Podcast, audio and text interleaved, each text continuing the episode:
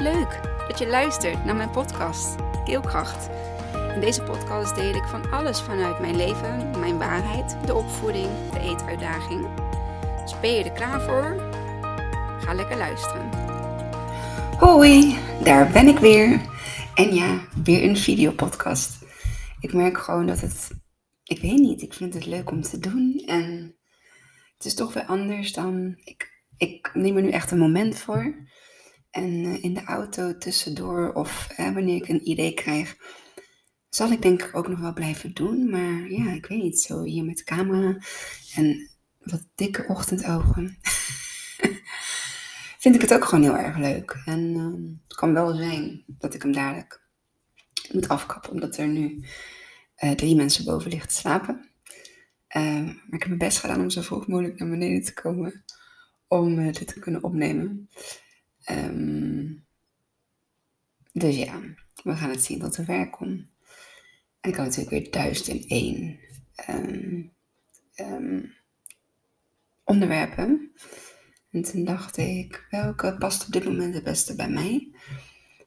gezien mijn post die ik dus uh, gisteren, gisteren was 4 november, heb geplaatst over gekozen familie.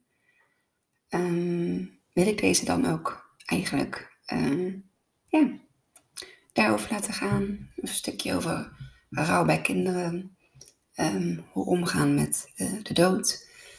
Um, voor sommige mensen een heel zwaar onderwerp. En voor mij inmiddels een luchtig onderwerp. de meeste mensen die mij kennen, die weten natuurlijk uh, van het overlijden van Sheila. Ehm, mijn uh, hele goede vriendin. En eigenlijk door die ervaring ben ik aan de slag gegaan met um, ja, het rouwen, met de dood. En zoals in mijn vorige podcast heb ik uh, verteld over het boekje van Manu Kersen. Hij heeft nog tegen andere boeken. En er is ook een, eh, een kinderboekje. Um, en dat is van Marie-Claire van der Brugge. Zij heeft uh, Er was eens een zieltje geschreven. Daar is ook een voorstelling van. Of die nog wordt gespeeld, dat weet ik niet meer. Maar daar ben ik uh, naartoe geweest. Toch het vorig jaar. Met de kindjes samen. Um, en zij schrijft in dat boekje heel mooi um, ja, de, de, de, de, het, de, de plek van de ziel op aarde. En ik weet dat hier heel veel mensen bij gaan afhaken. En dat is ook gewoon prima. Ehm, het is mijn podcast. Ik deel mijn bevindingen, mijn waarheid. Ehm, hoe ik de, de, het ouderschap zie. En natuurlijk stukjes over de eten, uitdaging en andere uitdagingen. Ehm, maar ik geloof heel sterk in de ziel. In de purpose die wij hier op aarde hebben. Ehm, en ik ben ook nog niet achter mijn hele verhaal. Dat zou ook raar zijn. Ik ben 40 en ik ga een bepaalde. Ik kom vanaf een bepaalde richting. En ik ga een bepaalde richting op. En heb ik rouwleer gestudeerd? Nee, maar ik voel aan alles in mijn lijf dat ik precies weet, dat ik heel goed weet hoe ik met rouw om moet gaan. En ook hoe ik dat aan mijn kinderen meegeef. Ik weet uit mijn eigen ervaring, vroeger hebben wij nooit thuis iets in de rouw leer of op school uh, iets over de dood meegekregen. Wat we vooral meekregen is dat de dood iets heftigs is. En daarmee ontkracht ik het ook zeker niet. De dood is heel heftig.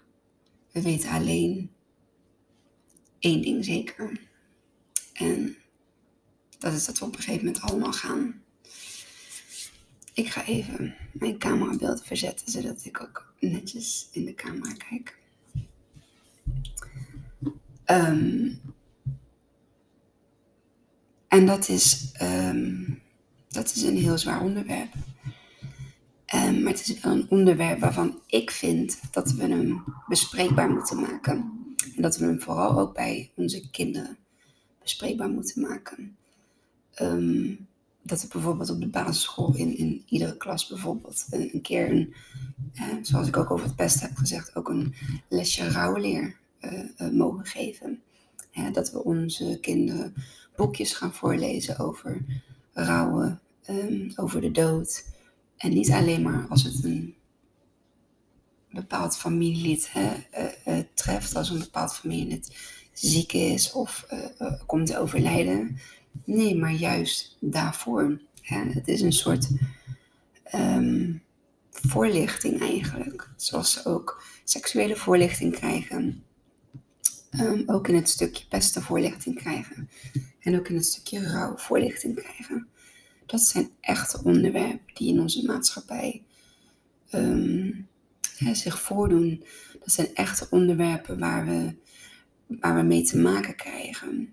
En ja, dat zijn eigenlijk dingen die ik heel graag in het jeugdjournaal of uh, in de nieuwsbegrippen die ze op school krijgen, um, zou willen zien.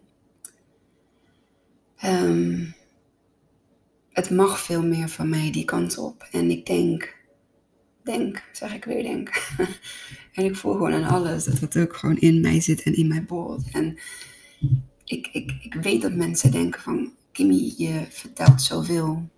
Um, weet jij nou echt van heel veel dingen wat? En dan kan ik nu zeggen, ja, ik weet van heel veel dingen wat. Waarom?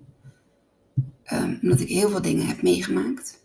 Ik denk als je een film over mijn leven zou maken, dan zou het een, uh, een blockbuster, hoe noem je dat? Een trilogy zou, zou het zijn van uh, drie delen. Als ik een boek zou schrijven, zou dat een heel dik boek worden. Um, omdat ik heel veel heb meegemaakt. En dat wil niet zeggen dat ik daardoor. Um,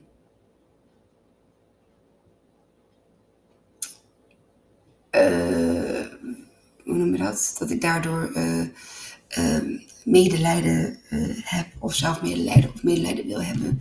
Nee, dat is het niet. Maar als jij klein bent en jij hebt jouw eerste grote trauma, um, ja, de dood in de ogen kijken, um, met je familie op een vreemde plek in het buitenland uh, meegemaakt, dan vormt dat jou. En dat is natuurlijk niet het enige wat ik heb meegemaakt. Um, maar ik vind het soms gewoon heel moeilijk om. Um, wat ga ik wel vertellen en wat ga ik niet vertellen? Want het is ook heel, heel kwetsbaar om um, dat te vertellen. En ja, dat is voor mij ook een aanvoelen, afwegen. Wat, wat, wat deel ik? In mijn allereerste podcast deel ik in ieder geval uh, uh, een stuk van, uh, van mijn leven, van mijn trauma's. Um,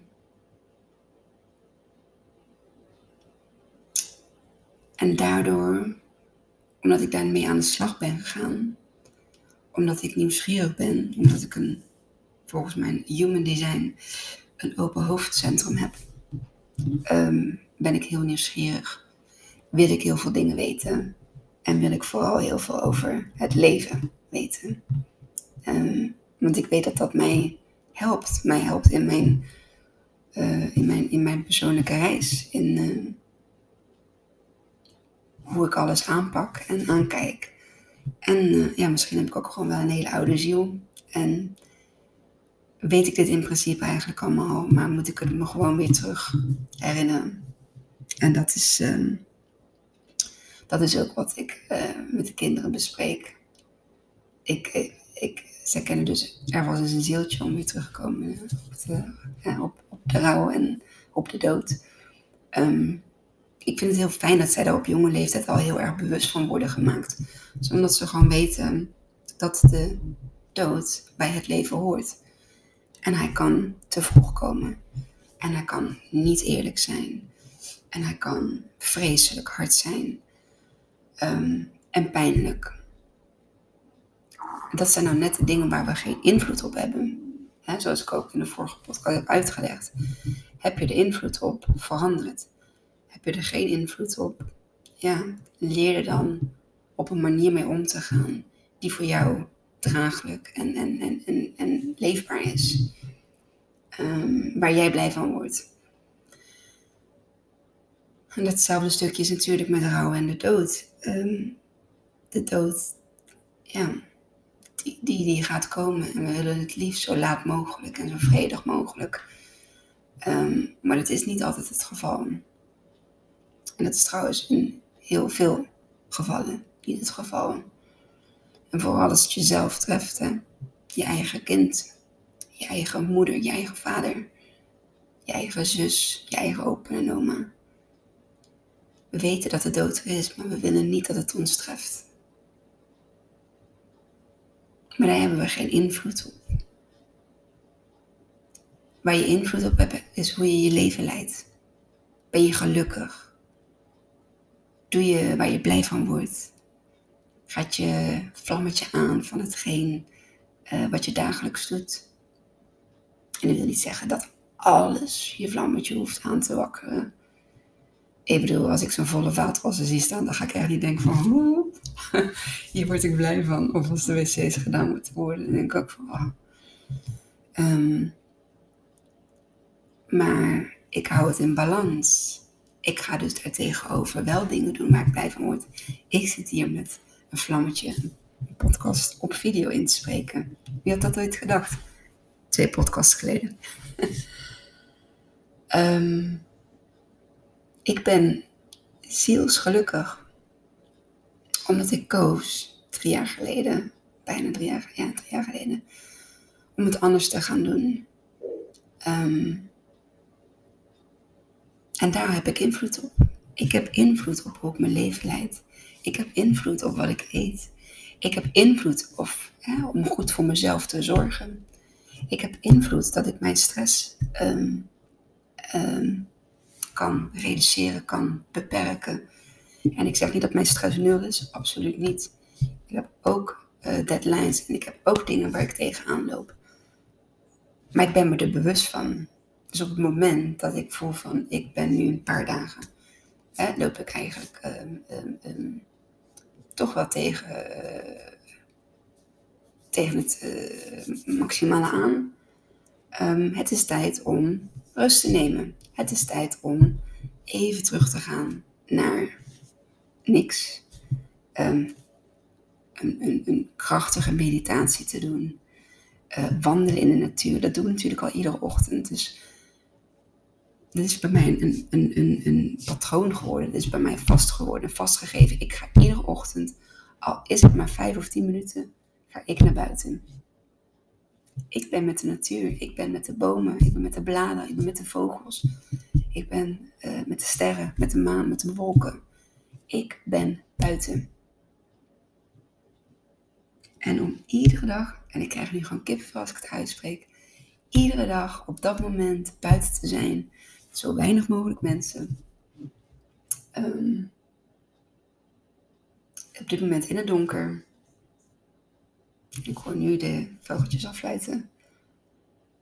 Dat geeft mij uh, op een of andere manier rust. En ook weer kracht om mijn dag te beginnen. En dat is zo power en waardevol. En daar word ik zo blij van. Um, dat is een moment wat niks of niemand mij kan ontnemen. En zelfs als het regent, ga ik toch nog even naar buiten. En dat doe ik nu 270 dagen. Dus het is bijna een jaar. Ik kan in februari zeggen, hoop ik. Fingers crossed, dan moet ik natuurlijk uh, uh, in, een goede uh, fysieke staat voor zijn. Um, mentaal trek ik me daar wel doorheen. Um, ik heb echt niet iedere ochtend die zin of die drang om te gaan. Dus heel soms moet ik me daaraan toezetten. Maar dan ben ik ook misschien een beetje moe. Maar ik doe het wel. Ik zorg goed voor mezelf. En ik zorg goed voor mezelf als ik iedere dag de natuur in ga. Naar buiten ga. Dat is een van mijn lijf, leefregels op dit moment ik zorg goed voor mezelf als ik um, gezond eet. Maar ik mag ook cheaten. Ik mag ook gewoon af en toe lekkere dingen um, zonder schuldgevoel eten. Ehm, ik mag ook af en toe een glaasje alcohol drinken. Dat sta ik mezelf toe. En juist omdat ik mezelf al die dingen toesta, hebben mijn hersenen zoiets van, ja, maar ik, hoef het niet per se, want ja, het is toch, uh, het is toch, uh, ik mag het toch pakken. Uh, en daardoor komt het dus dat de, de, de verleiding of de verlanging ernaar, die is veel minder. Als jij jezelf verplicht of, of um, ja, eigenlijk verplicht tot ik mag dat en dat en dat en dat en dat niet. Dan ga je er alleen maar aan denken van, oh, ik mag niet roken. Oh, ik mag niet drinken. Oh, ik mag geen uh, snoep pakken. Oh, ik mag... Dan wordt het een, een, een, een, een ding, dan wordt het een uh, obsessie, dan wordt het een, um, iets wat niet mag. En ja, wat is er nou lastiger dan iets niet pakken wat niet mag? Ik bedoel, dat is vanaf kleins, vanaf kleins af aan dan toch zo. Je hebt toch van die testen dat die kindjes aan de tafel worden gezet met snoepjes. En dan wordt ze gevraagd om uh, geen snoepjes te pakken. Nou, dat lukt natuurlijk niet ieder kind. het ligt daar een bak ik mag het niet pakken. Ik wil het toch hebben. Goed voor jezelf zorgen. Terugkomend. Dat is waar je invloed op hebt. En wil dat zeggen dat je dan de garantie hebt dat je niet ziek wordt? Nee, die garantie hebben we niet. Maar ik wil in ieder geval dat ik er alles aan heb gedaan om um, ja, mijn leven zo te leiden met EI. Dat ik, um, dat ik goed voor mezelf zorg en heb gezorgd. En niet alleen voor mezelf, maar natuurlijk ook voor de mensen om me heen. Daarom ben ik begonnen met blended te maken voor Isa op het moment dat zijn lijf de zonnevoeding helemaal afstoten. Want dat was wat er gebeurde. Zijn lijf, zijn lichaam stoten de medicinale zonnevoeding af. En het was aan mij om daarop te reageren. Het was aan mij om tegen het advies van de artsen, de zorgprofessionals in te gaan. Nee, we gaan het toch zo doen. Um, en het is, daar in dat proces is dat een van de beste beslissingen die ik ooit heb genomen. Door naar mezelf te luisteren. Door naar hem te kijken. Wat heeft hij zijn nodig? Geen zonnevoeding. Geen medicinale zonnevoeding. Dat is niet vers, dat is uit een pak, dat is voor tijdelijk. Echt waar. Ik, ik ben niet tegen medicinaal. Als het nodig is, gebruik het. Ik ben blij dat het er was. Als ik in, misschien in Afrika had gewoond of in een uh, ander gebied waar we deze zorg uh, niet hebben. Nou, en had niet gegeten worst case scenario. Gelukkig, gelukkig woon ik hier. Gelukkig hebben wij echt goede zorg uh, uh, uh, tot onze beschikking. Alleen het hele systeem, het zorgsysteem, is gewoon. Nou, daar spreek ik een andere podcast over in. is natuurlijk gewoon door en door een verdienmodel geworden in plaats van een zorgmodel. Um, en als je daar ook weer in zit, sorry, daar weet ik ook gewoon weer heel veel van. Zonder daarvoor gestudeerd te hebben, zonder daarvoor een wetenschappelijk onderzoek te, hoeven, uh, te hebben gedaan. Het is gewoon, het, het klopt gewoon niet. Afijn. Daarbij geloof ik ook nog eens dat heel veel klachten die we hebben, holistisch benaderd kunnen worden. Um, en ik ken al heel veel mensen die dat op die manier hebben gedaan. En zelfs als je daar dan uiteindelijk niet op die manier beter van wordt, maar jouw kwaliteit van leven kunt uh, verbeteren, dat jij toch nog wat tijd kunt hebben hier en die jij um, vanuit intens geluk mag, mag doorleven, ja, dan is het natuurlijk echt wel het proberen waard. Rouw en de dood bij kinderen, daar gaat deze podcast over. En ook dat is ben ik in mijn open hoofd. Oh ja, en daar pak ik nog een stukje van, en daar pak ik. Dat is nou eenmaal hoe ik, uh, ja, hoe ik roll. Ehm, dus wij hebben het boekje Er was een zieltje van Marie-Claire van der Brugge gelezen. Niet één keer, maar twee keer. En je ziet die herkenning in het verhaal, in die, in die, in die oogjes van hen. Het is een best wel lang boekje en ik heb ze dan ook echt wel een hele tijd naast me kunnen houden. Wat niet bij ieder boekje altijd uh, het, het geval is. Uh, maar dit was echt een soort van klik, klik, klik, klik. Herkenning, herkenning, herkenning. Dus ik raad eigenlijk iedereen aan het boekje te kopen of te huren of te lenen. Um, er was eens een zieltje. En dit met je kinderen of met je kinderen in de klas gewoon te lezen. En kijk eens wat het met die kinderen doet. Ze gaan vragen stellen. Ze gaan zichzelf erin zien. Mijn kinderen zeggen van, oh ja mama, weet je nog toen ik een zieltje was en ik naar de aarde toe kwam? En toen ik jou had gekozen en papa en opa en oma en uh, Teersa en Isai, ze hebben elkaar gekozen. En dan denk ik, ja, fijn dat je dat nog weet. En ik ben me dat ook weer aan het herinneren. We vergeten het alleen op het moment dat we gaan ontwikkelen. In het boekje wordt ook gezegd dat je een beschermengel bij je hebt die jou begeleidt. En dat die beschermengel op een gegeven moment heel ver op de achtergrond verdwijnt. En dat is rond, ja, rond je zevende levensjaar. Ja, dat is net het jaar dat ook heel veel kinderen, althans bij mij het geval is dat ik uh, mijn eerste trauma heb, uh, heb gehad. Um, en vanaf dat moment ook op een bepaalde manier in het leven stond. Um, wij hebben bij dat geval geen slachtofferhulp of iets gekregen. Dus het is een soort van, iedereen is daar op zijn eigen manier in het gezin mee omgegaan. Iedereen heeft daarin zijn eigen trauma ontwikkeld. Um, en het is eigenlijk nooit besproken. Niet met een psycholoog of een therapeut. Of, um, ik heb daar uiteindelijk EMDR voor gevolgd. En het heeft mij zo geholpen. Um, maar ook om er gewoon over te praten. Dat maakt het ook al lichter. Um, en het maakt het ook iets behapbaarder. Dan mag het er ook gewoon zijn. En ik denk op het moment dat een trauma er mag zijn, ondanks hoe heftig die ook is,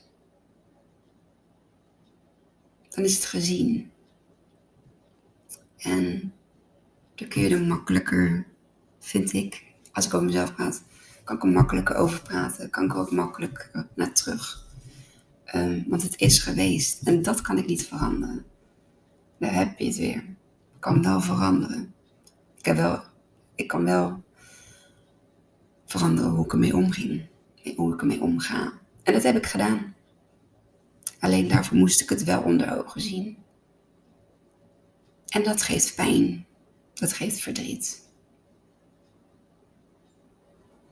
Maar daarna is het een soort van opgeruimd.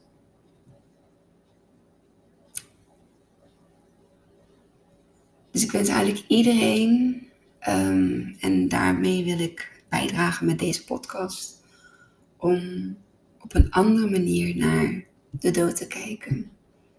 Op een andere manier naar rouw te kijken, naar het rouwproces. Ook wetende dat de rouw hoeft nooit over te gaan. Um, de scherpe kanten zullen eraf gaan. En je hebt mensen die erin kunnen verdrinken. Um, en ik denk dat dat gebeurt, dat weet ik natuurlijk niet zeker. Omdat ze gewoon niet weten hoe ze ermee om moeten gaan. Omdat ze niet weten wat hen overkomt. Um, ik heb me de eerste weken echt heel erg labiel gevoeld. Eigenlijk dacht ik een beetje dat ik aan het gek worden was, dat ik aan het doordraaien was. Maar dankzij het boekje Vingerafdruk van Verdriet van Mano Kersen wist ik dat dat hoorde bij de processen, bij de vijf verschillende fases van rouw. Um, en dat boekje had, was mijn houvast van, oh ja, zolang het hierin beschreven staat, is dat wat ik voel? Is dat normaal? Is dat oké? Maar ik kan ook best begrijpen dat er mensen zijn die uh, um, dat niet kunnen. Ja, en daardoor dus inderdaad uh. En wat best wel heftige consequenties kan hebben. En uh, ja, ik denk vooral als je je kind betreft, um, kan daar niks over zeggen. Kan het alleen maar begrijpen. En daarom vind ik het zo belangrijk dat we jonge kinderen al leren um, om hiermee om te gaan, of alles mee om te gaan, om hè, daar voorlichting over te krijgen, wat ik, uh, wat ik net zei. Het kan heel simpel met een, met een prachtig boekje. Um, dan maak je het bespreekbaar. En ik heb mijn dochter Terza, die huilt af en toe over haar opa. Haar opa die ze dus fysiek, opa Arnold, die ze fysiek nooit heeft gezien of gekend. Um, maar waar zo'n sterke energetische connectie mee is, dat ze in bed ineens huilt. En zo, waarom huil je? Ik mis opa Arnold. En dan denk ik, wauw. Ik kan niet tegen haar zeggen, nee joh, dat kan niet, je hebt hem nooit gekend. Dat zeggen wel ouders tegen hun kinderen. Dan denk ik, nee, ze kent hem wel. Ze kent hem vanuit de zielenwereld. Daar waar wij allemaal onze familie hebben gekozen. En niet alleen onze familie, maar iedereen om ons heen. Iedereen die jij in je leven tegenkomt, een passant, ehm, een collega, um, iemand op straat. Wij kennen elkaar allemaal al. Geloof ik. Dat hoef je echt niet te geloven. Um, en als je elkaar aankijkt, dan voel je een klik of een verbinding. Als je daarvoor open staat natuurlijk. Jouw ziel moet, uh, moet, ja, jouw ziel moet aanwezig zijn. En er zijn heel veel mensen van hun ziel verwijderd. En is een bepaalde. Er zijn meerdere theorieën over. Mm, ik voelde het nog niet echt om te delen. Ik heb daar wel een gedachte over. Ja, dat we op een gegeven moment van ons ziel, van ons gevoel verwijderd zijn geraakt. En uh, dan is het uh, je missie om, uh, om die weer terug te vinden. En ik kon dat dankzij de ervaringen die ik heb meegemaakt.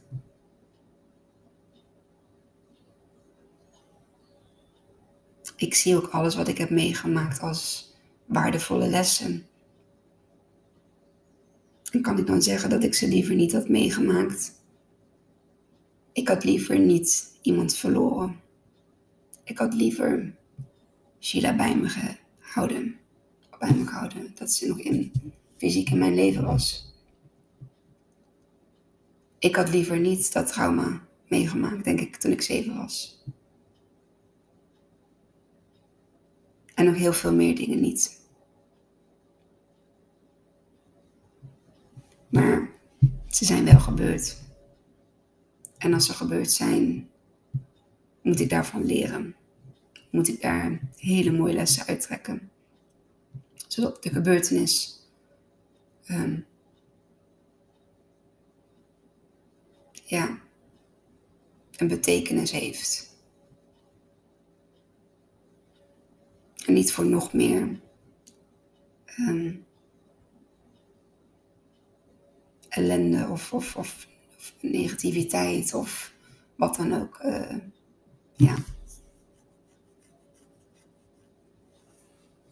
Zorgt, zeg maar. Oké, dit was de podcast over rouw, de dood bij jonge kinderen kan er nog veel meer over vertellen, maar ik probeer een half uurtje aan te houden. Um, dus ik ben heel benieuwd naar wat je ervan vond. Laat me dat weten of in een opmerking. Um, en laat weten wat je van de podcast vond. Duimpje omhoog of duimpje omlaag. Ehm, en als je het waardevol vond, wil je dat dan alsjeblieft delen met de mensen om je heen. Ehm, en als je me uit wil nodigen voor een keer een boekje voor te lezen op school, uh, of uh, eh, rouwleer, gastles, dan, uh, dan sta ik daarvoor open om dat te doen. Dankjewel en tot de volgende. Doei! Wat leuk dat je tot het einde van mijn podcast hebt geluisterd. Vond je het leuk, inspirerend? Dan deel hem alsjeblieft met de mensen om je heen. Of post hem op je social media en tag mij daar dan in. Dan zie ik dat je hebt geluisterd en dat vind ik ontzettend leuk om te weten. Dankjewel en tot de volgende.